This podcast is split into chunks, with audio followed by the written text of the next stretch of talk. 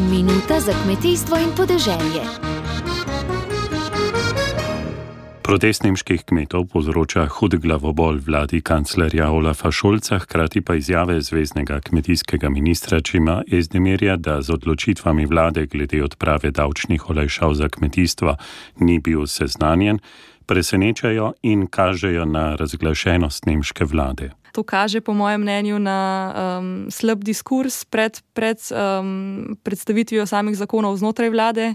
To, da gre minister svojo pot in nasprotuje vladi v javnosti, uh, verjete ni dober znak. Pravi Polona Globočnik z Avstrijske kmetijske zbornice in dodaja, da je Ezdemir, potem ko je v decembru kmetom zatrjeval, da je bil proti takim davkom, že čez nekaj dni, v začetku januarja, stopil korak nazaj. Uh, in se kljub temu, da je v preteklih tednih tednih govoril, da ukinitev tega kmetijskega eh, dizla za njega ni eh, opcija, ker v kmetijstvu praktično nimamo alternativ, eh, je to zdaj vzel nazaj in pravi, da ehm, ta kompromis verjetno zadostuje. Nemške kmečke stanovske organizacije danes čakajo na odgovor zvezdne vlade in pričakujejo, da se namera o postopni uvedbi trošarine na goriva, porabljena v kmetijstvu, odpravi.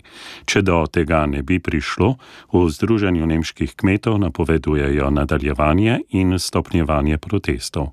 Več lahko preberete na naši spletni strani radio.ognisce.si.